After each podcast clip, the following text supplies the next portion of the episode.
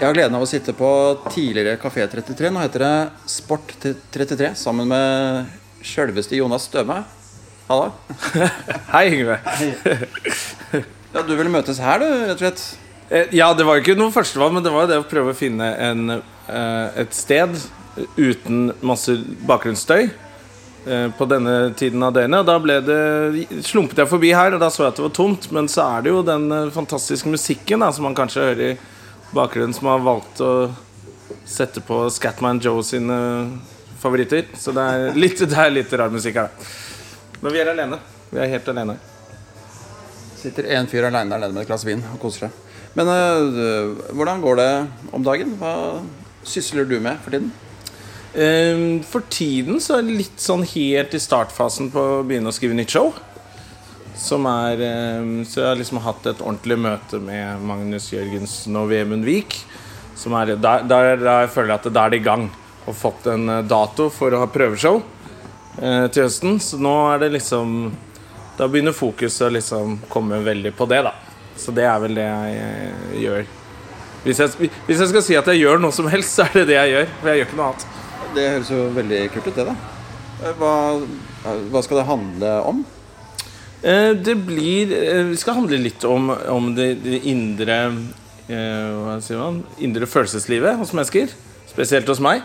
Og litt Ja, hvorfor man gjør som man gjør, og hvorfor jeg har gjort så mye dumt opp igjennom. Og ja, litt Hva blir det? Psykologi? Terapi? Det er bra å prate om ting, men det er dyrt å gå til psykolog. Så det er billigere å bare faktisk kanskje tjene litt penger på det. Snakke til de som er i salen. Og hvordan kom du på å skrive show om det? Det har vært litt sånn lang prosess. Jeg har liksom begynt på flere Jeg tror jeg har sagt i et år at jeg driver og skriver show. Når folk spør hva jeg driver med. Men det har jo Jeg har liksom begynt på noen show, og så eh, fant jeg litt jeg mistet interesse for det. Så har jeg liksom kommet litt frem til at eh, jeg snakket med Magnus om det. Magnus er jo veldig sånn Han er jo litt på disse New Age-tingene. eh, og sånne ting Og så kom vi frem til det sammen, tror jeg. At det kunne være en eh, veldig kul forestilling. Du sier at du har gjort mye dumt. Hva, hva slags ting tenker du på da? Jeg har øh, blitt tatt i fyllekjøring. Jeg har kommet eh, eh, Jeg ble kastet ut av Latter, hvor jeg jobber, ikke sant, to ganger. Og veldig mye annet opp igjennom som eh, Jeg tror jeg har vært i en sånn der, Og kanskje vært i litt i en sånn gjeng hvor, hvor det som ville vært krise for andre, blir sett på som guttestreker for oss. Så det å bare å, havne på glattcelle, det var kjempegøy. ikke sant? Og eh, når man ble sluppet ut, så spøkte man i det vi kalte resepsjonen, som jeg tror politiet kaller vakta. Med liksom «Hei, 'Har buli mulig sluppet ut, eller?' Fordi Eller han sjekka ut og sånn, så gikk vi og tok en øl til og bare lo av det.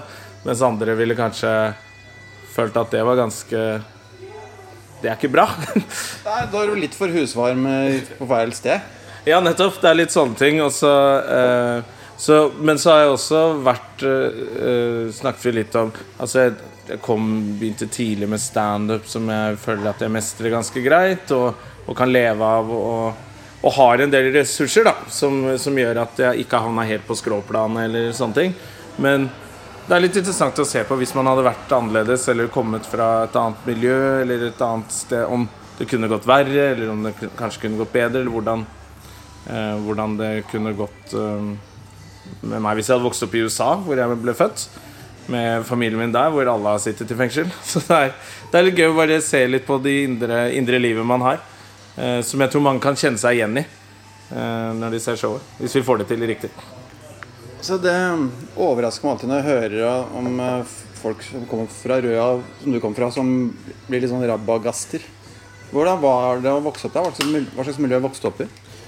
Jeg vokste opp i veldig sånn trygt og fint miljø. Eh, men det var, jeg tror, vi var også litt sånn Vi bodde på Jeg pleide å spøke med at det gæle i side av kjerka. Fordi vi akkurat de, på alderen vår Det var ikke så mange jenter på den siden av Røa på vår alder akkurat da vi vokste opp. Så vi var veldig sånn guttete. Spilte bare bandy og fotball hele tiden. og sånn Så begynte vi på ungdomsskolen, og da var det liksom de som var ett år eldre enn oss, de var ganske eh, rabagaster. Og de var liksom de som begynte å ta ecstasy og, og dra på Hva heter det? der? Hyperstate. de, de var liksom der og, og, tok masse narkotika, var mye galere enn oss, mens vi drev med idrett. da Så etter hvert så, så bodde jeg i et sånt kollektiv hvor noen av de gutta bodde. Og da fikk man en sånn derre normal Eller ikke, man hadde ikke like stor Man syntes ikke det var like teit at uh, Vi hadde veldig sånn at Vi hadde sånn regel at hvis du skal ta narkotika, så må du gå på badet. For vi gidder ikke ha det i stua, for vi brukte ikke narkotika. Mens de andre var litt mer sånn Ja, men må ta noen linjer og sånn. Ja, gjør det på badet. Og så, Da følte vi at vi hadde tatt et standpunkt mot narkotika. Da. Ja, gjør, det, gjør, det, der på badet. Sånn det, var, det ble litt sånn ja, man, Jeg tror alle mennesker blir utsatt for for forskjellige mennesker og påvirket uh, utenfra. Så, så, så, det var liksom det, det, det, farligste jeg har vært borti. da uh, Men så har jeg noen venner som var litt uh, Som ikke nølte med å slå ned et helt utested også. Da, som, som man kanskje lot seg inspirere av noen ganger. Og det er dumt. Ja, du har vært litt i klammeri. Er det knuffing? Litt knuffing, litt sånn Litt vestkantslåssing. Jeg har ikke vært på den der, eh, sånn der eh, ordentlig mishandling og, og, og, sånne grove ting. Men det har liksom har vært litt sånn der eh, Ja, Ville Vesten er bra ord på det. For det var liksom opp og ned i Buksaveien. Men det, det, var liksom Jeg jobbet i barne-TV. Jeg var barne-TV-onkel, og dere var Parallelt med dette her? Ja. Og, og, liksom kunne Jeg tror jeg hadde en sånn der behov for å eh, For jeg var veldig opptatt av at jeg begynte med standup først og at TV bare var noe sånn annet. At jeg var standup-komiker og var tøff og gæren og ja, standup-komiker. Eh, og da tror jeg det liksom skulle kanskje bevise at jeg var Selv om jeg jobbet i barne-TV, så var jeg, var jeg, en tøffing. Var en av gutta for det. Eh, og så ble jo det ja, kanskje litt sånn identitetskrise som gjorde at man plutselig, plutselig står og slåss i Bogstadveien, og folk går forbi. Er ikke det han der barne-TV? Eh, og det, det er jo bare teit. Det er teit å slåss. Jeg husker en gang jeg gjorde standup for uh, firmaet til faren din. Det var du og meg og Per Håvard Østby for en stund siden. Og han virker jo som en uh, ryddig fyr. Uh, altså, hvordan tok han dette her? Eller visst, hvor, hvor, visste, Jeg vet ikke hvor mye han visste om det, hva som foregikk. Ja. Og, nei, jeg hadde, jeg hadde, veldig sånn, der, sånn vanlig, vanlig oppvekst på 90-tallet hvor man ikke snakket med foreldrene sine om noe. Uh, så han, han ble skuffet. Det var en gang vi havnet i glattcelle. Eh, for da hadde vi tatt en løpetaxi. Stukket av fra taxiregning. Men eh, så hadde jo han taxisjåføren trykket på sånn alarmknapp, så det kom jo 13 politibiler og hundepatrulje. For de trodde at vi hadde For det tror jeg, jeg tror regelen er at hvis du gjør det, så, så er det grovt væpna ran. Eller da må du ha blitt rana. Og da måtte han si at vi hadde gjort det. Så jeg skjønner jo han fikk jo panikk, han også, da det kom masse politibiler. Og da havna vi på glattcelle. Da, da var ikke pappa så fornøyd. Det, det, det, jeg, tror, jeg, tror, vi skulle vært i et eller annet selskap eller et eller annet konfirmasjon. Så måtte jeg si at jeg havna på glattisen. Da, da syns pappa jeg var ganske teit. Uh, men bortsett fra det så tror jeg ikke Det var helt vanlig. Vi, vi begynte å drikke i 8.-9. klasse, tror jeg. Og så visste ikke foreldrene mine De ville ikke vite, tror jeg. Og vi, ville ikke, vi bare lot som det ikke skjedde. Uh, Foreldra, uh, ja, var det en uh, stemor i bildet òg? Ja, fikk, pappa giftet seg da jeg var ni år. Da fikk jeg en stemor som er egentlig ganske stikk motsatt av meg. Som er også noe som jeg begynte å tulle litt med i showet. At jeg er en person som liker, liker de andre som også fucker opp mye. Man blir liksom trukket mot det. Jeg synes det er gøy. Folk som sitter og skåler for Røst skatt, skål! Og er litt sånn eh, Mens stemoren stemmoren min er det moren min. Hun er jo Hun er petimeter, hun er nøye, hun er lege. Hun er, alt er i orden og alt på stell. Og det er eh, Så i oppveksten, sånn tenårene, så gikk ikke vi så godt overens. Men eh, det er bedre nå. Men uh, Fortell litt mer om de der slåsseepisodene. Hvem var det dere slåss mot? Og hvorfor slåss man? Hvordan, hvordan skjedde det? liksom? Altså, jeg tror, det var veldig sånn, barns, sånn der, sånn der eh, Brunst og territoriegreier. Uh, hvor uh, Altså, jeg pleide ikke å starte noen særlige slåsskamper. Men jeg var veldig sånn ikke redd for å avslutte en slåsskamp. Men det var liksom noe knuffing, og så sa noen noe, og så ble det bråk. Og så var det liksom alt det alvorlige slåssingen. Det tok liksom de tøffe seg av. De der som var ett år eldre. Malermesteren og de gutta der. Eh, som eh, De kunne slåss som. Malermesteren spiller jo på slåssferdighetene, da. Ja, han, han sa det selv. Han deler ut eh, spann med gul og blåmaling til alle som vil ha. Så da ble han malermesteren, da. Eh, så ja, og hadde sånn humor rundt det å ha banket opp noen, da. ikke sant? Men de han banket opp, var de også med på at det, det premissene er at jeg kan få bank, jeg kan gi bank? Eller, eller var det uskyldige folk som fikk såkalt blind... Altså, var det blindvold, eller? Han, han delte ut til hvem, hvem som helst. Ja. Han, eh, han og et par andre. De, de, de, men det var sånn, det ble sånn brutalt. Så det turte ikke vi. Vi var fortsatt vestkantgutter. da Turte ikke menn ville heller ikke? Eller var det spennende, eller hvordan det, det, var vel, det var vel mer sånn der Jeg tror de slåsskampene som vi havna i, sånn min guttegjeng, det var mer eh, folk som var sånn som oss. Altså hvor det var Det var noen knuffing, et par slag her og der, og så, og så, hvordan, og så det kunne, hvordan kunne det oppstå? Kan du beskrive et eksempel på hvem altså fra, Du snakket om territorium. Hvilke områder kom de andre fra? Og hvordan kunne det Hvordan kunne en slåsskamp oppstå? Et eksempel, det var noe Stabæk Hooligans, kalte de seg. Jeg er fra Stabæk, og dette, dette har ikke jeg hørt om. Men eh, det det er sikkert mye yngre enn meg. Nei, Vi hadde ikke helt hørt om det, vi heller. Og vi syntes det virket unødvendig å være hooligan. Det var, vi Ja. var fra Stabæk, Men de skulle alltid bråke med oss fordi vi heiet på Vålerenga. Men Altså i forbindelse med kamper, ja. nei! det var bare Vi hadde vel kommet i prat med noen, så hadde de skjønt at vi var Vålerenga. Og så hater jo vi Stabæk pga. bandy. Så da, Jeg, jeg, jeg, jeg skulle til å nevne det i stad. Jeg spilte, spilte jo bandy sjøl, ikke på Stabæk, men på Frem 31. Husker at Røa var en, var en sånn f- eh, skummel motstander, husker jeg. Ja, vi, var, vi satset veldig på bandy på Røa. Så var Stabæk stort sett litt bedre enn oss. Og så var foreldrene til Stabæk-spillerne helt ufyselige. Det husker jeg. Det husker jeg. Ja, det husker du. Så, så vi likte ikke så, så det ble vel en eller annen sånn prat om det siden de var fra Stabæk, og så dro vel de det over i fotball. Og vi er ikke noen sånn supersupportere um, av Vålerenga. Altså, vi heier på Vålerenga, men vi er ikke med i klanen eller sånt, men de skulle liksom Så de pleide å fly på oss. Og så til slutt så, må- så ble vi så Hvor kunne det være? Da? Bjørungs. På Bjørungs. Vi var på Bjørungs nederst På puben ved Litteraturhuset og på hjørnet ved Slottsparken og sånn. vis-à-vis Lorry. Ja. Ja. Så da Inne på puben, ja. Ja. Og så var vi en stor gruppe, så var alltid plutselig så var det noen som var i slåsskamp her og der. Og så når det var nok, så dro vi hverandre bort, og så var det ferdig. Altså. Så det var liksom sånn Det var ingen som ble skadet eller noe sånt, men eh, det er, Ja, Det er litt sånn som Huliens holder på nå, på en måte, da, eller? Jeg føler at de er litt tøffere enn oss. De er litt barskere. Eh, men uh, jeg tror vi syntes det var litt sånn action å, å vinne en slåsskamp, liksom. Det var gøy, det. Men det, det ble alltid sånn at noen ble dratt vekk. Uh, For ingen, det var ingen som ville? Vi ville jo fortsette å være på byen. Og ingen som ville gå med ned på legevakten. ville vi aldri Og det ville ikke de andre heller. Så det var en sånn mild form. da Eh, men, men det lager ikke noe god stemning da på et utested når det blir slåssing. Men uh, når du først er inne på litt sånn mørke fortidsting og Fyllekjøringsepisode, hva, hva, hva var det for noe? Og det er viktig at det ikke blir sagt i, i flertall. Jeg ble tatt for å uh, uh, fyllekjøre. Jeg var, var ganske full. Forbanna på en, var, en kjæreste. Var, nå vil jeg bare bort. Jeg hadde prøvd å ta taxi fire ganger, men hun klarte å hoppe inn i alle taxiene. Og da ble vi kastet ut, for vi krangla så fælt.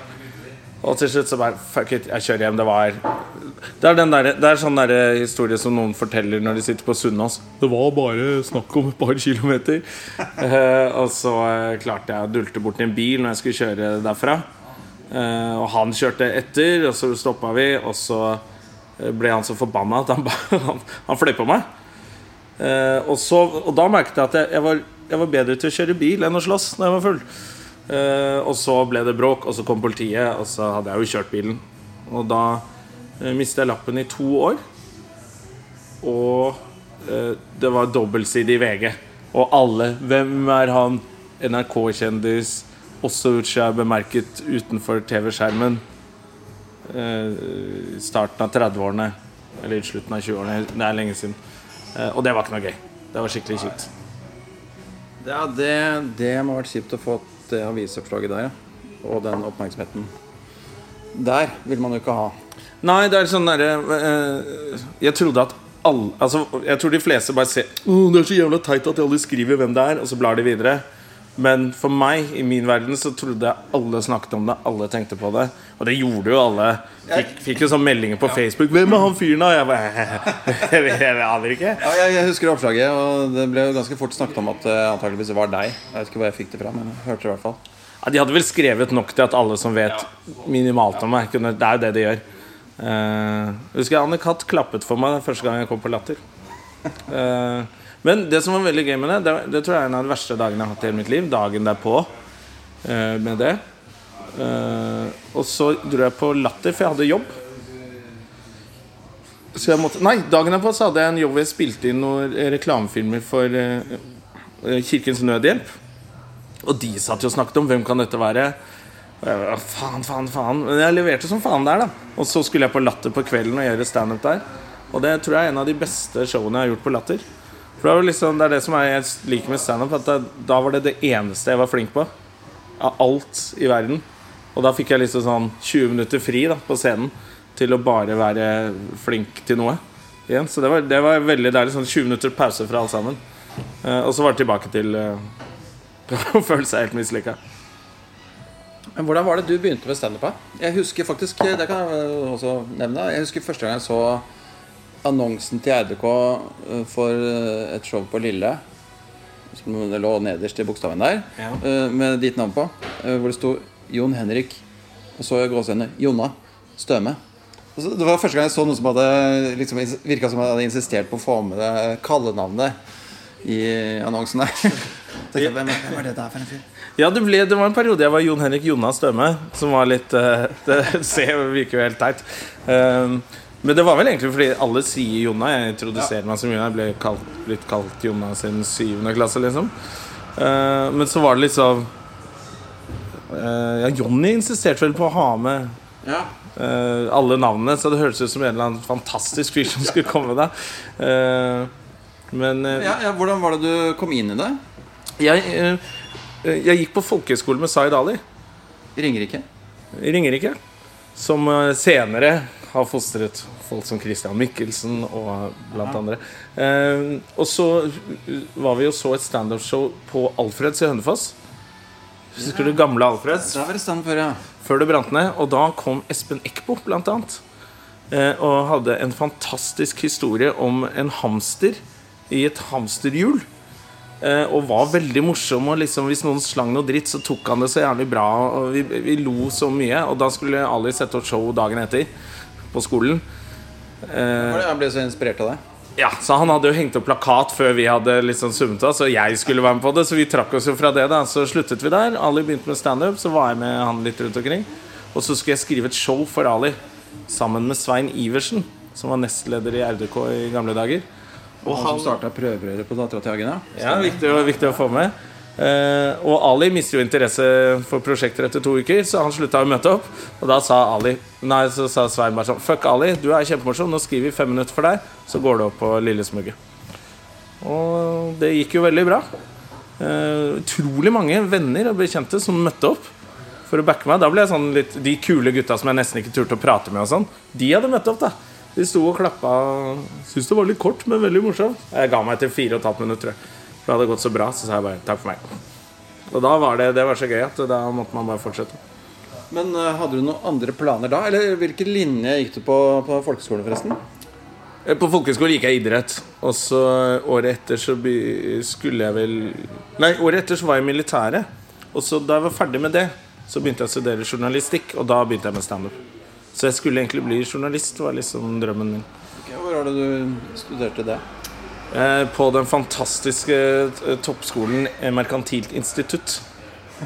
Så da Så Det var egentlig en sånn fin læreplan, og ideen var god at alle lærerne jobbet aktivt i redaksjoner, og sånn, men de hadde jo ikke nok undervisning til mer enn tre måneder, og så ble man bare sittende og google ting.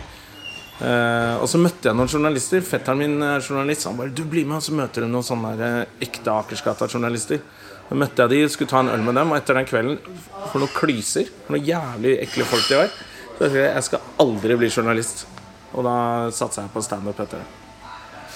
Men jeg fikk jo litt journalisterfaring i NRK og sånn selvfølgelig som programleder og, og sånne ting. da Ja, Hvordan kom du inn i det systemet?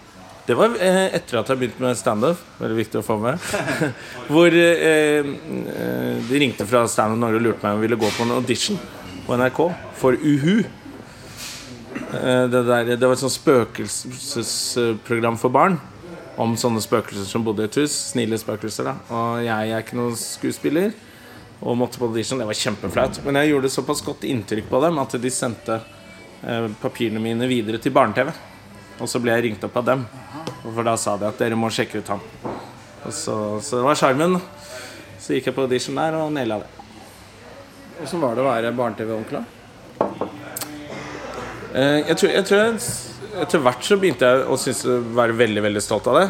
Eh, for jeg skjønte etter hvert at ledelsen i NRK eh, i Barn og Ungdom hadde en sånn annen idé om altså, at man ikke skulle lage underholdning for alle barna.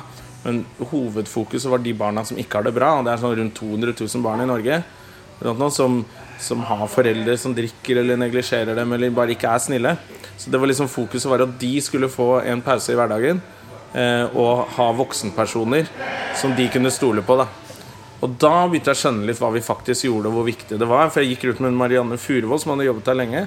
Og da kom det plutselig sånn junkie bort og bare ga henne en kjempeklem og 'tusen takk for at du var der i oppveksten min', da som var veldig sånn fint. Så jeg, jeg syns det var veldig gøy. altså Kule folk og god stemning. Hva føler du at du har fått ut av det? Nå har jeg jo fått et helt nytt publikum. Altså, for nå har jo de som så meg på barne-TV, blitt 20, 20 år. Og, de husker jo selvfølgelig deg kjempegodt, de. Ja, for jeg var litt sånn Jeg traff veldig sånn Jeg var veldig populær, da. Jeg var liksom han som de visste hvem var. Eh, så var liksom Asgeir, og så var det litt sånn vakuum der. Og så ble Jeg visste ikke det mens jeg jobbet der, at jeg var så populær, men jeg skjønte det etter hvert. da At det var veldig populært med meg. Så de er veldig hyggelige, og de kommer på show. og er jo militære og sånn, da så når jeg gjør militærjobber, så sitter de der og syns det er gøy, liksom. Eh, så det er veldig, det er veldig Så det har vel fått en ja, Veldig mye tilbakemeldinger fra disse barna som er voksne nå. Som er koselig. Men hva syns du om barne-TV nå, da? Vet du hva, nå, det, det, dør jo litt ut. Jeg, ser jo, jeg trodde jeg skulle se mye barne-TV med datteren min, og sånn men de sitter jo med iPaden og ser sine egne ting. Ja. Så hun vil ikke se noe sammen med meg. Og datteren er jo eldre. Hun ser jo ikke barne-TV kanskje lenger? Hun. Nei, men du ser litt sånn der Hun er jo åtte, da. Ja. Så jeg husker vi lagde jo barne-TV for opptil ni-ti år alderen. Liksom, så hun er innafor barne-TV-alder. Litt, litt eldre barne-TV. Men hun sitter med iPad, og jeg får ikke se hva hun ser på. Det er mulig at jeg eh, husker feil, men jeg har en datter på snart fire år. Og eh, når jeg tenker tilbake på min barndom og barne-TV som var da, så følte jeg at var, de, var mer til stede. Det var sånn, kanskje en hel barne-TV-sending med at de var i studio og gjorde ting. Nå føler jeg at de bare setter på en video. De har sånn lite trylletriks og setter på en video. Jeg føler at det er mer sånn masseprodusert, men jeg, jeg vet ikke. Kanskje barna syns det er helt kult. Ja, det er mye sånne serier og sånn. Dattera mi ser på veldig mye sånn amerikanske serier som er lagd for barn, som er dubbet til norsk. Ja. Hvor jeg måtte si 'du vet at det er dubba', og så skjønte hun ikke det. Så måtte jeg si 'dette er egentlig amerikansk, men de har lagt på norske stemmer'. Eh, for jeg var redd for at hun skulle tro at at jenter på 13-14 år snakker sånn som dette her! Må da være gal! Så måtte, at hun måtte skjønne at det er ikke, van, det er ikke sånn ungdommer snakker. da Og da ble hun helt forferdelig. Så begynte hun ja, jeg ser det nå at leppene ikke passer så egentlig det hun driver og ser på sånn ja, Noen sånn Det er vel en slags sitcomer for barn. Hvor, ja. hvor det er sånn 14 Eller sikkert 17 av de som spiller. Men de later som de er 14-15 år. Da. Og går på date og, og sånne ting. Så det ser hun på med headset, så jeg får ikke høre eller se noe. Syns det er litt flaut. Men øh, hvordan føler du at standupen din har utvikla seg? Altså, du, nå snakker du mer om personlige ting. Og hva, hvordan, hva snakket du om før? Og hva, hva, det, hva, har skjedd de siste årene med din standup-stil øh, stil og tematikk og sånn? Jeg, jeg, tror det, De siste årene så har det glidd litt med at jeg liker å prate om øh, litt sånn ærlige ting. Flaue ting. Eh, jeg føler ikke at det er noe det er ikke så veldig edgy. Eh, sånn, eh, sånn, skummelt og, og, mørkt, det jeg snakker om. Men, eh, Men Er det fordi du føler at det er mer relevant for deg og for publikum, eller? Hva, hva, hva, hva er grunnen til at du velger den innfallsvinkelen der? Jeg, jeg, vet ikke om man velger det så mye selv. At det man syns er veldig gøy og merkelig selv, er liksom det man skriver best på, syns er gøyest å, å, å, å skrive på. Jeg har ikke noe problem med å skrive noe sammen med andre for andre, som snakker om andre ting. Men det jeg har lyst til å fortelle og på scenen, det er liksom Egentlig, Det kjenner du sikkert til litt selv også. Bare eh, ja, Kanskje det Kanskje blir veldig mye fornærmet i hverdagen. At det sånn, får sånn beskjed Sånn som jeg hadde en tekst på eh, Har du satt inn kortet riktig? Jeg, si, jeg snakket om at du får den beskjeden når du setter inn et uh, visakort og skal betale. Så kan du få sånn er kortet satt inn riktig? Med spørsmålstegn. Og så hang jeg meg veldig opp i at jeg vil ikke ha attitude fra en datamaskin. Jeg vil ha kortet er satt inn feil. Greit, da gjør jeg det på nytt. Men når det kommer sånn Er kortet satt inn riktig? Jeg vet da faen. Jeg, Ja, liksom Nå tvinger du meg. Aggressiv holdning, nesten. ja, nesten sånn der eh, spydig tone derfra. Så, som har malt meg opp i et hjørne. For jeg kan ikke bare si ja. For jeg må gi meg til slutt bare jeg får gjøre det på nytt. da Så dum som jeg er. Så, sånne ting. Og det, sånne ting syns jeg er veldig gøy å, å henge seg litt opp i. Eh, og jeg henger meg faktisk opp i det på ordentlig før jeg skriver vitser om det. At jeg blir fornærmet eller sånne ting. Så jeg, jeg, jeg vet ikke, så, jeg, så liker jeg å prate om eh, pinlige, pinlige ting. Som er kanskje litt eh, Som andre ikke tør å snakke om, men som alle gjør. Eh, men da blir det ofte at det glir litt inn mot sånn sexting og sånn, som jeg liksom syns at det, det går med et par sexvitser, men det vet du selv hvis du kjører et helt sett med sexvitser, så så selv om folk syns det er morsomt, så vil jeg etterpå gå og si bare, Jeg syns det var for mye sånn griseprat. jeg». Får litt dårlig smak i munnen av det. Så bør man jo Det er sånn tommelfingerregel ikke begynne med det groveste, for da blir det vanskelig å følge opp og sånne ting. Um, men jeg har sett deg noen ganger i det siste, og jeg føler at du har fått en veldig god flow i leveringen. Og du kan stå og bruke ganske lang tid på å spille ut en situasjon. Bruke pauser, ta deg god tid, være trygg på det. Hva, hvordan har du kommet frem til den måten å gjøre det på? Jeg vet ikke. Jeg, Hvis du kjenner deg igjen i det, da. eh, jeg kjenner meg igjen i alt som er positivt eh, sagt om meg. Eh, jeg, jeg, tror, jeg tror kanskje at jeg liker å utfordre litt den derre eh, at du ikke må rushe til en punch. Eller at, at man eh, At det nesten er litt sånn spennende å se hvor lenge du kan snakke før du må være morsom. Sånn, det er nesten sånn som jeg tror mange komikere sliter med i hverdagen også. I, i et selskap og sånt. Du, at du må bare Nå må du la andre prate, eller altså, du, du, du kan ikke bare sitte og kjøre show hele tiden. Da. Altså En sånn blanding av det. Jeg syns det er gøy fordi folk er nok litt sånn eh, folk, Publikum i Norge i hvert fall er veldig redd for at han på scenen skal drite seg ut. Eh, Så hvis det går litt lang tid før det Så blir de ganske nervøse. Og så liksom den nervøsiteten når du utløser den med å vise et slapp av, jeg har kontroll her, jeg vet hva jeg snakker om, og sånne ting. Men nå kommer det morsomme. Eh, Jeg syns de pausene kan være Det er kanskje litt sånn amerikansk Nei, det er ikke, for det liker jeg ikke. De amerikanerne skal alltid ja, ja, Å Og lage sånne lyder mens det går til andre siden av scenen før du snakker om det. Det syns jeg er dritirriterende. Uh, Ja, men Har du henta noe inspirasjon eh, fra noen på de greiene der? Uh, Jeg tror nok kanskje jeg ikke har villet innrømme det så mye, men jeg ser en del sånn Ja, litt sånn Seinfeld, sånn i The Comedian. Uh, Ja, Den dokumentaren ja, hvor han skriver eh, Rett og slett skriver hele det showet han turnerte med etterpå. Ja, og litt sånn ting jeg har sett på, på YouTube når han tar en takketaler eller sånt. Den derre Tørre å være litt stolt av at du er komiker. At du ikke, at, at, at du ikke står der på nåde. Altså Publikum har betalt for å se oss gjøre det vi kan. Og da må vi eie stedet litt og ikke være nervøse og stressa. Eh, tror kanskje det begynte litt da jeg begynte å få lov til å være konferansier også på, på Latter. Det der at eh, Hvis du stiller et spørsmål til en publikummer, og han svarer, så betyr det ikke at jeg må svare noe frekt tilbake med en gang. Uh, ja, Brokeback Mountain-skjorte? Homo? Er du det? At du kan ah, snakke litt med folk, og så kan du lage noe morsomt etter hvert. Sånn at jeg synes det er, blir fin dynamikk av det. da Men jeg vet ikke om jeg gjør det så bevisst som jeg later som jeg gjør nå. Nei, men Det er jo utrolig viktig å, å være trygg og utstråle trygghet. Fordi det er jo det dilemmaet med at du skal vise publikum så fort som mulig helst at du er morsom, samtidig som du ikke skal vise at du stresser for å være morsom.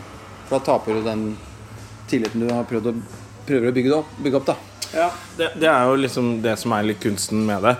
Som Eh, men jeg tenkte på i dusjen i dag faktisk, så tenkte jeg hvordan man skal forklare liksom standup. For jeg har sett på å skrive vitser som å løse sånn logikkoppgaver. At, pluss- at du kan bruke ganske lang tid hvis du prøver å løse en IQ-test. Og når du først klarer den, så klarer du tre-fire til på rappen. For da er liksom tank, hodet ditt justert inn på det. Sånn føler jeg at det er litt med vitser. Når vi sitter og skriver sammen, så plutselig bare løsner det. Så kommer det masse. Eh, men det er liksom forklart med logikk og liksom matematisk. Men jeg tror det er litt mer mus musikalitet, faktisk. Det er litt begge deler. Ja, Det er en sånn blanding av det. Det er logikk som skal gå opp, og det er, det er noen rytmer som skal falle på plass. Og det er noe med at ordene skal ikke være for lange, setningen skal ikke være for lang, og heller ikke for kort. Det skal liksom stemme. Ja, nettopp. Og det, det er liksom akkurat som jeg tror en musiker vil bare merke at her er noe feil. Det må jeg justere på. Sånn og sånn. Og så, så det er en sånn blanding av om, eh, om Kan man si at det er talent eller en gave, eller hva, hva skal man si? Man, man, hører, man hører kanskje noe som andre ikke hører like godt, da.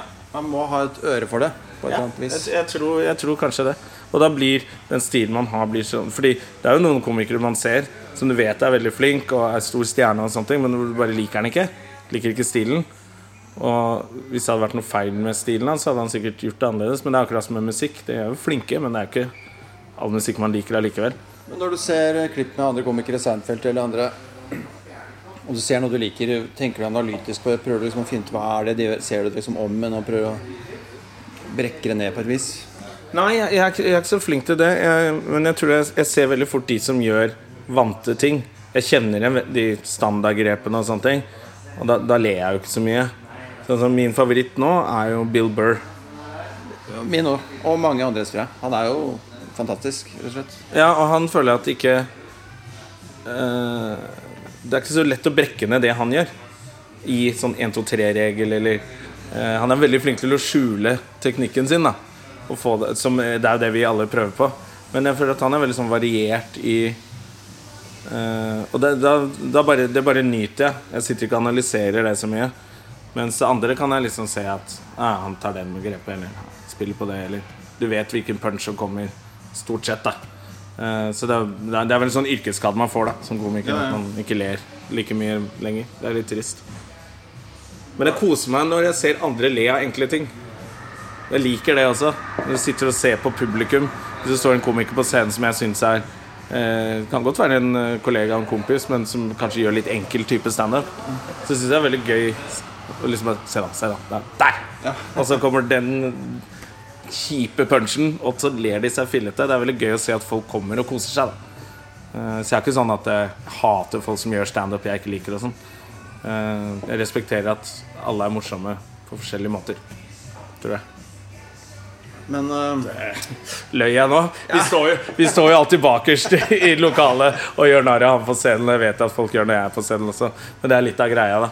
Men, ja, men komikerne ler jo av helt andre ting enn de andre ofte. ja ja, vi ler av de andre tingene. At noen fucker opp eller en dårlig punch som funka likevel. Og se det overraska trynet til, til Yngve nå. Den, han forventa ikke så mye latter på den. Og sånne ting. Men eh, Ja, jeg blir ikke så analytisk, altså. Med mindre jeg skal forsvare en punch. Eller en vits. Hvis jeg har skrevet en vits som skal med i et show eller TV-program, eller sånt nå, og folk ikke skjønner den, og så bare Ja, den var ikke så morsom. Da, da forsvarer jeg den. Og da blir jeg veldig analytisk. Dette er punchen, dette er overraskelsen, dette er bruddet. Da blir man veldig sånn. Og hvis du kan krangle den inn da, og se den funke i det showet eller i det TV-programmet, det er veldig deilig. Har du gjort noe drøyt på scenen? Sånn, har du liksom tatt en publikummer ekstra hardt, eller hva er det drøyeste som har skjedd? Jeg, jeg har fått en dame til å begynne å grine en gang. Det var litt trist. På latter. Fått på julelatter og alle ting. Snilt show. Men hun satt sammen med tre venninner foran. Eldre venninner, de var ganske gamle. Eh, og, og etter hvert så begynte de å plapre så fælt. De prata hele tiden, og så sa jeg fra nå må du nesten gi deg. Og de to andre venninnene var greit, og sånn, men hun tredje hun bare ga seg aldri. da Eh, og det var forstyrrende for oss på scenen, og jeg var i en sånn konferansierrolle. Eh, og det var forstyrrende for publikum. Så til slutt så bare så advarte jeg henne. Nå har jeg sagt fra veldig mange ganger på en pen måte. Hvis du ikke gir deg nå, så får du se hvordan det er på Late Night Show her. Eh, og så ga hun seg ikke, og så kalte jeg henne Det var litt morsomt. Jeg sa at hun hadde kjønnshår på hodet med denne sveisen selv.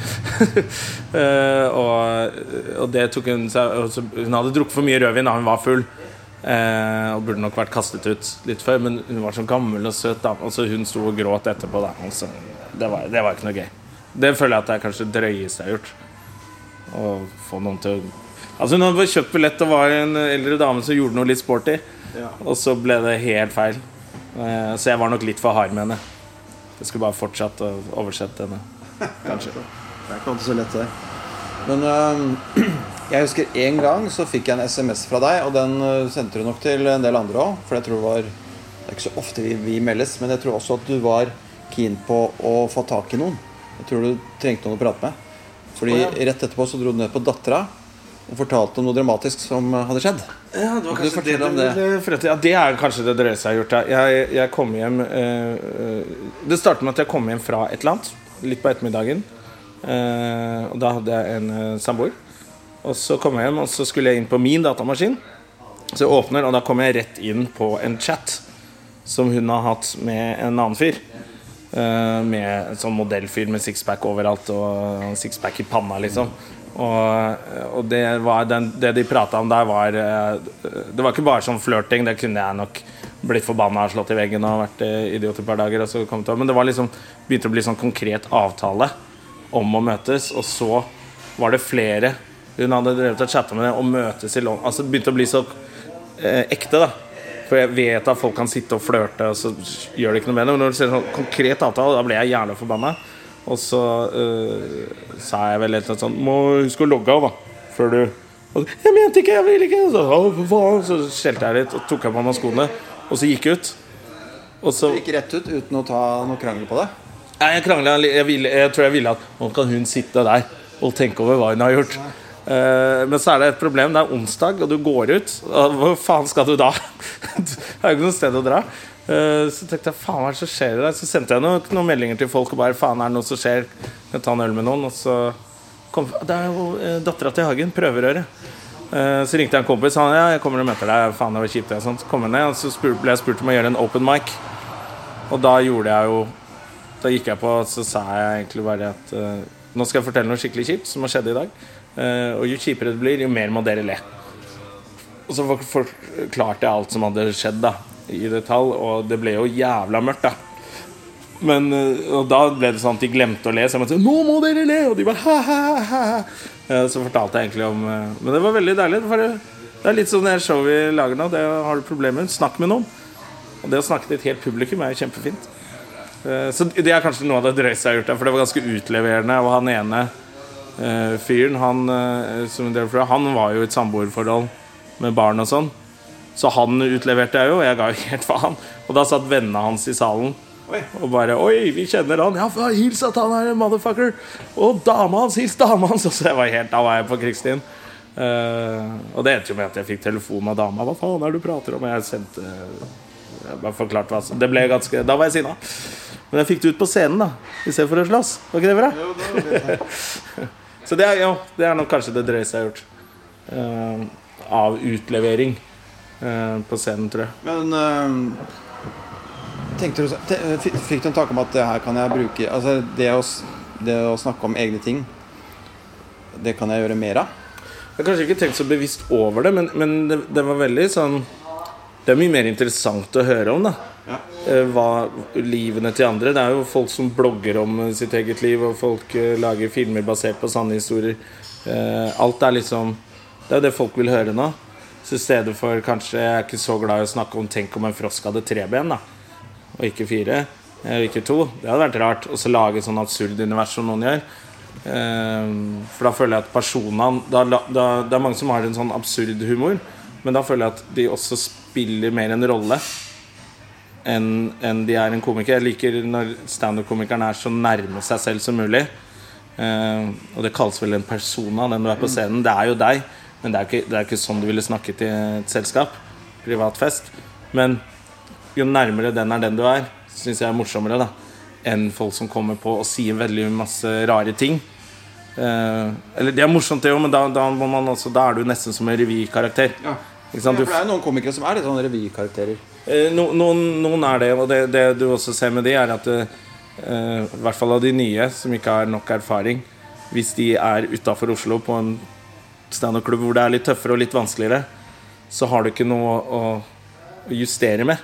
For nå har du allerede valgt denne absurde retningen og denne karakteren her. Så det er en revykarakter som prøver å hekle, eller Så da har du et problem. Så jo nærmere du er deg selv og ditt eget liv, eh, syns jeg er best, da. Og, og mest interessant. Ja, men Hva syns du generelt om uh, de nye yngre komikerne? Syns du de ligner på oss da vi var ferske, eller da du var fersk? Eller skiller, skiller det seg fra vår generasjon på noen måte? Jeg syns kanskje noen av de kan minne litt om det. Altså, men ikke bare på scenen, men liksom hvor de er i livet. Det å bare ha vært eh, sånn, sånn en av mengden på skolen, eh, sånn som jeg var, og så plutselig Plutselig nå er du litt sånn navnet ditt litt i avisene. Jeg husker første gang det, det var kjempegøy. Det sto i kveld, bare den lille annonsen. Det var kjempestas. ikke sant? Eh, blir ropt opp på scenen, og folk ler av deg, og du, du er liksom Kommer inn i et nytt miljø hvor det er liksom litt livsstil, og vi komikerne holder sammen. og sånne ting Så all de, den begeistringen og sånn som du ser hos Unia, er veldig Det minner litt om sånn som vi var også. Eh, og så er det jo noe Altså, de har jo latt seg inspirere.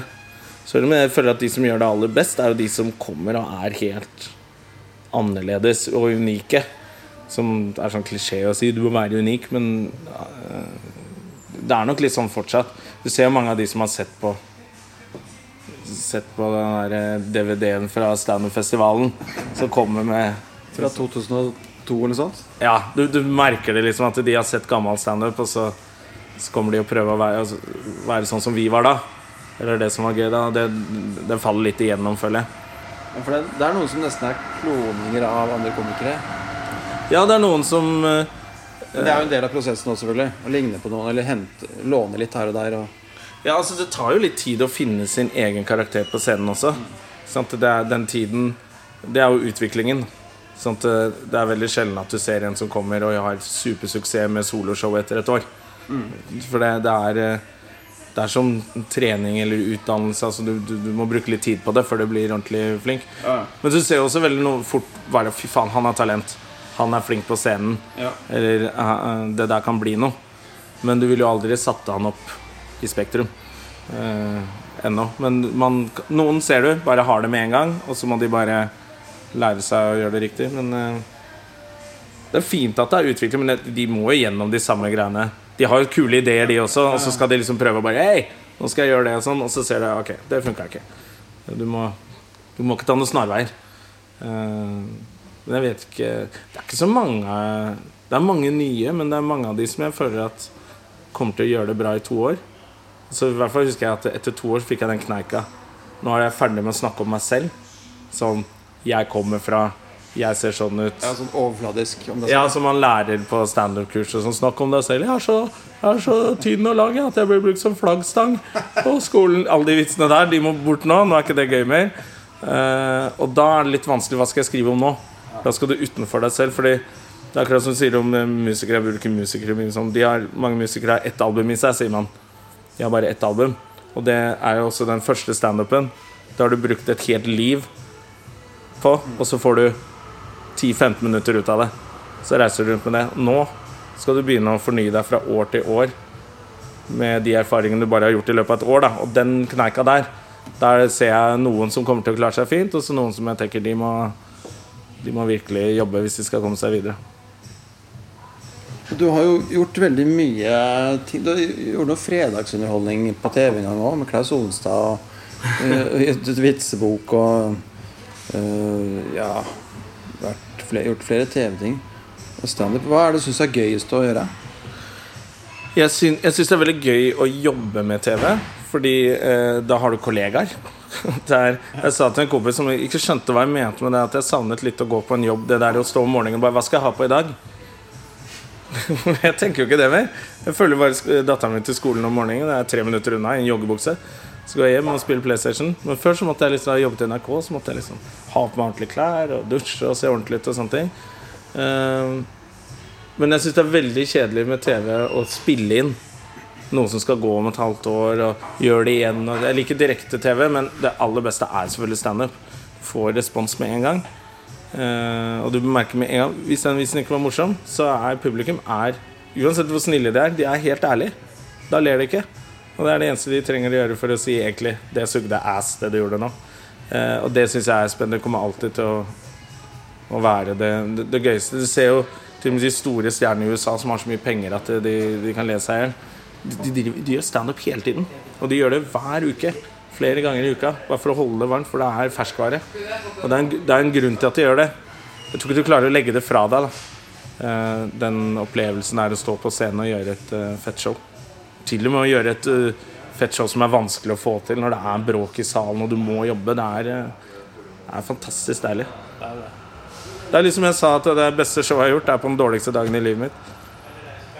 Det er bare, du, du vil bare Kan jeg få det, i hvert fall? da Så får du det, så, så, så føler du det helt fantastisk. Så alt utenom det som skjer på scenen, er liksom Det bare fader vekk. Og så står du der og All eyes on you. Spotten i trynet. Det er fantastisk. Jeg, skal ikke skryte på meg at jeg gjør så veldig mye bakgrunnssjekk og sånn før, det, før det, et opptak som dette, men jeg, jeg søkte på deg på Wikipedia, og der sto det Jon Henrik Jonna Støme. Men så sto det er en norsk mulattkomiker og programleder. Hva tenker du om det? Det er noen som går inn og redigerer litt på den hele tiden. En gang så sto det For det står en ganske sånn grei Og er for tiden programleder i et eller annet og sånn. Men så var det noen som var skrevet ut Er for tiden programleder i NRK, i annet programmene. Nevnte hva programmet Hvor han for øvrig gjør en helt ræva jobb! What?! Så det er noen som går og skriver inn det. Jeg har jeg, jeg føler at jeg ikke kan gå inn og redigere min egen Wikipedia hele tiden. Nei, men Jeg tenker på det begrepsbruken. Jeg, nå. Ja, jeg øh, syns jo det er merkelig øh, at det står der. Men øh, jeg hadde jo full har, hva er ditt forhold til det ordet, tenker jeg? Altså Mitt forhold til det ordet er jo at det ble brukt for å beskrive at da var man ekstra pen. Og folk sa 'Å, jeg vil ha mulattbarn, og jeg vil ha barn med deg', sånn da vi var Ja, ungdommer. så det, Du føler ikke at det er noe negativt rundt det? Eh, nei, altså Jeg har ikke noe dårlig opplevelse med det ordet. Uh, men uh, det tror jeg har mest dårlig opplevelse Altså Jeg bare liker ikke Er det mulatt? Altså Det spiller ingen rolle. Så jeg liker ikke at folk skal bruke uh, sånne merkelapper som går på fysiske attributter. Altså Hvis jeg hadde stått at Jonas Øme er en feit komiker som, Det ville også vært sånn Eller en tynn komiker, slank komiker som ah, Folk liker å være slank, men det er liksom Jeg skjønner ikke det behov Hvorfor er det viktig? At det skal stå der. Så det er mer det jeg henger meg opp i. At eh, det er så teit. Ja, sånn som den debatten som har vært med at noen insisterer på, bruke, på retten til å bruke ordet neger når de som blir Altså det er de som blir kalt det, som bør få lov til å bestemme det. Ja, det syns jeg også. Og så var jeg på Facebook i går hvor jeg bare skrev la ut det her Trond-Viggo Det tok jo helt av på veggen min. Ja, det, var ganske, til dels ganske mørk lesning. Ja, det er jo litt trist hvor Men så tenkte jeg på det etterpå, eh, for jeg har alltid lurt på hvorfor forsvarer folk så sterkt eh, å få lov til å bruke et ord når, det er helt åpenbart at folk blir eh, lei seg, opprørt, sinna eh, Jeg vil jo i alle samtaler unngå sånne ord uansett. Hvis jeg har lyst til å bare si noe, fortelle deg en historie, så sitter det fem andre her, og så bruker jeg masse ord som jeg vet at alle har et anstrengt forhold til. Det er, jo ikke, er jo ikke effektiv kommunikasjon. Så det er ikke, hvorfor forsvarer folk det så innmari? Og så tror jeg kanskje at det kan ha noe med at eh, hvis du har vokst opp med foreldre som har sagt det, du har sagt det, besteforeldrene dine sier det, du har onkler og tanter, så tror jeg kanskje noen tar det som kritikk til sin egen oppvekst, til sine foreldre. Fordi når man sa det før, så mente man ikke Altså det, det var ikke samme betydningen da jeg vokste opp, liksom. Jeg syntes at det var litt ubehagelig at jeg måtte være neger, mens de andre, hva var de? Ja, de var gutt og jente og Petter og, og Kari, mens jeg måtte være neger. Det syns jeg bare alltid har vært en sånn rar ting. Men nå er jo det ordet enda mer Altså Nå er det jo helt tullete å bruke. Eh, Men jeg tror de som insisterer så innmari på det, jeg tror de faktisk, uten å kanskje være så klar over det selv, de forsvarer egentlig oppdragelsen sin. Som det ikke er noe gærent med at foreldrene sa det. Man sa det før. Men jeg tror det er det de blir såra av. Så jeg tror de også blir såret av at når noen sier det, det sier man ikke. Ikke? Jeg vil jo alltid, Hvis jeg sitter i en setting og noen sier neger sånn, Så kom han der negeren på Valencia, vet du. Han eh, Bekken på Valencia, han negeren. Så vil jeg jo tenke Oi, han er en ganske uintelligent og ignorant type. Ikke sant? Så eh, resten av kvelden vil jeg bare se på han som en tosk. Fordi det virker så fjernt og umusikalsk å si. Men Eh, han mente sikkert ikke noe vondt med det. Og når du tar ham på det, liksom, ikke sier det Ja, men jeg mener ikke Så tror jeg de egentlig forsvarer foreldrene sine og oppveksten sin og, og, og kult, altså, ja, norsk kultur, da. Men jeg tror du klarer å forsvare norsk kultur uten å forsvare bruken av det ordet nå. Ja, Det er ikke noe kritikk til de som har brukt det før, men nå er det sånn. Er det- Ting utvikler seg. Jeg har sagt utrolig mye forferdelige ting om homofile i garderober eh, opp igjennom. Jeg har delt med idretter eller bare guttegarderober. Det var jo alt. Å, har du rosa teip, du? Rosa teip? Homo? Altså, det skulle ingenting til for å bli homo. Ikke sant? Skal du putte den i rumpa? Altså, det all... Og det er jo Jeg sier jo ikke sånn nå. Jeg snakker jo ikke sånn foran eh, datteren min, så hun skal begynne å si sånt. Ikke sant? Man justerer seg. Eh, og jeg forsvarer kan forsvare mye garderobekultur, men jeg gidder ikke forsvare det. Ah, når du er i guttegarderobe, da er det lov å være homofob. Det, det, det, det er litt der det ligger meg. Men jeg tror man skal forstå alle de som er uenige med det også. Jeg tror kanskje det er det som er greit. De forsvarer underbevisst så forsvarer de foreldrene sine og oppveksten sin. det, jeg tror du er inne på noe der. Altså. Det var ikke så dumt, det. Det er, det er ikke jeg, jeg, Not just a pretty face, som jeg sier. Jeg, tror faktisk det var litt sånn jeg reagerte sjøl da den debatten kom opp for noen år siden. Nå er jo det en god stund siden, da. Ja, Den kommer opp jevnlig hele tiden. Sånn. Eh, vi satt og skrev, på, skrev litt på showet mitt i dag. Da første soloshowet så hadde vi starta Første bolken het egentlig neger, Negerdebatten. Da starta vi med det. Og nå måtte jeg skrive sånn Negerdebatten 2. Eh, for, for at det er fortsatt aktuelt. Og fortsatt, men jeg har kanskje justert den litt annerledes. Og prøve å imøtekomme de som eh, blir så sure fordi de ikke får lov til å si det. Mens eh, jeg tror nesten alle andre ord eh, ville man Å uh, oh, ja, ok, ja, men da kan jeg slutte. Jeg kan tenke litt mer. Akkurat det gjør Jeg tror du også de tar det. Kanskje man, de føler at foreldrene blir kalt Familien blir kalt rasist. Og så kommer de med argumenter som 'Tanta mi adopterte fra Afrika. Vi er ikke rasister.' Nei, men det er ikke det jeg kaller deg.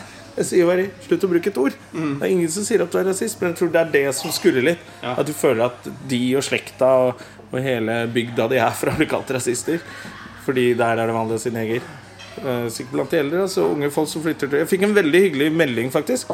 På Facebook av en fyr som bare 'Jeg kjenner ikke deg, og, ja, du kjenner ikke meg', men jeg fulgte den debatten, og så skrev han at han er fra bygda. eh, Og har alltid sagt neger og sånn. Så flytta han til Oslo og fikk eh, venner fra hele verden. Og skjønte at nei, det var litt tullete ord å bruke, så han slutta med det. Og det er, ikke, det er ikke mer som skal til. Det er rart. Hva er det som er prosessen nå videre nå med, med showet ditt? Skal ut og prøve ting og Altså Prosessen videre er jo altså Foreløpig er det bare at det er et prøveshow i september. Som er litt deilig å bare få en sånn ting å forholde seg til. Ja, Og premiere er Premi ja, altså, da blir det sånn prøveshow hvor Elina Vemund skal ta en avgjørelse etterpå. da Om det blir show, eller? Ja, jeg får nok lov til å lage et show uansett, men øh, så lenge vi har jobbet bra og sånne ting, så tror jeg vi klarer det. Men Men med, da setter man en dato for premiere. Ja, øh, så er det liksom Jeg har litt lyst for- Forrige showet så hadde vi premiere rett på Latter. Så hadde jeg tre for, prøveforestillinger, og så var det premiere. Som var eh, Det gikk fint, det, altså. Men det var jo egentlig, jeg tenker meg om i ettertid, ganske skremmende å bare Så nå ser jeg at flere og flere gjør det også. De tar en turné i forkant. Reiser litt rundt. Sånn stoffet sitter skikkelig bra. Og når de kommer da premiere i en by som Bergen eller Oslo, eller sånt, så, så, så har du gjort showet 20 ganger. Og da, da er det ganske mye bedre enn det er etter tre ganger. Så Men hvor mye materiale er det du har nå? Har du skrevet masse, eller? Du, jeg har, skrevet masse på disse andre showene som liksom ikke kom helt i land, men det, er, det har vært litt innafor det samme. Sånn jeg Du har tror jobba med flere show som ikke har blitt noe av? Ja, som er liksom ah, Kanskje dette var bare en bolk i et show. Det er jo akkurat som med en TV-idé. Du tror du, du kommer og pitcher, og så sier de 'kjempebra'. Hva skal de åtte andre episodene handle om? Så tror du at du har lagd en hel eh, Så det litt sånn Så jeg tror jeg kan bruke en del av det andre jeg har skrevet. Eh, så, så hvis jeg kan det, så har jeg en del. Eh, men sånn akkurat nå så skrev jeg en snau av fire sider som jeg sendte til Magnus og sa 'se på dette'. Så, så det er ganske startfasen, altså. Start, men allerede prøveforestillinga? ja. For jeg, jeg ba om et møte fordi eh, eh, sånn jeg, jeg er litt sånn Jeg har ikke helt sånn disiplin og, og sånne ting, så jeg syns det er vanskelig å, bare sette meg ned Det er sikkert derfor det ene det aldri, Jeg har skrevet et år uten at noe har skjedd. Fordi jeg trenger litt sånn noe å forholde meg til. Ok, da må du være klar ha en deadline, ha litt sånn eh, prosesser. Prøve å få til en hyttetur med noen tekstforfattere og litt sånn. Eh, så nå har jeg den datoen. Da merker jeg at da skjer det ting. Da blir du inspirert. Nå vet du at nå, nå skal du faen meg gjøre det.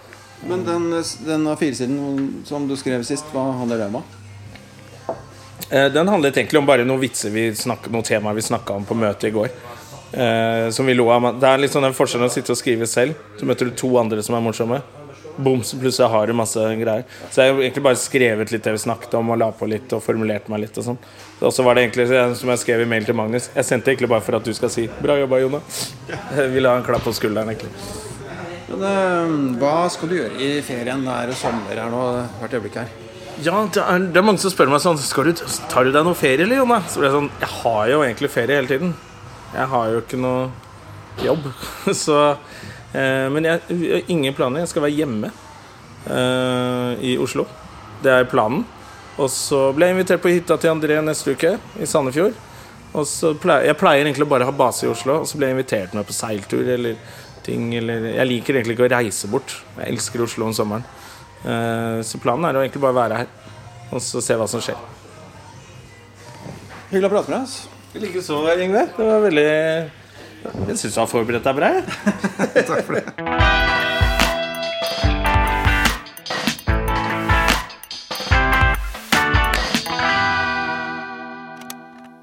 Produsert av Ord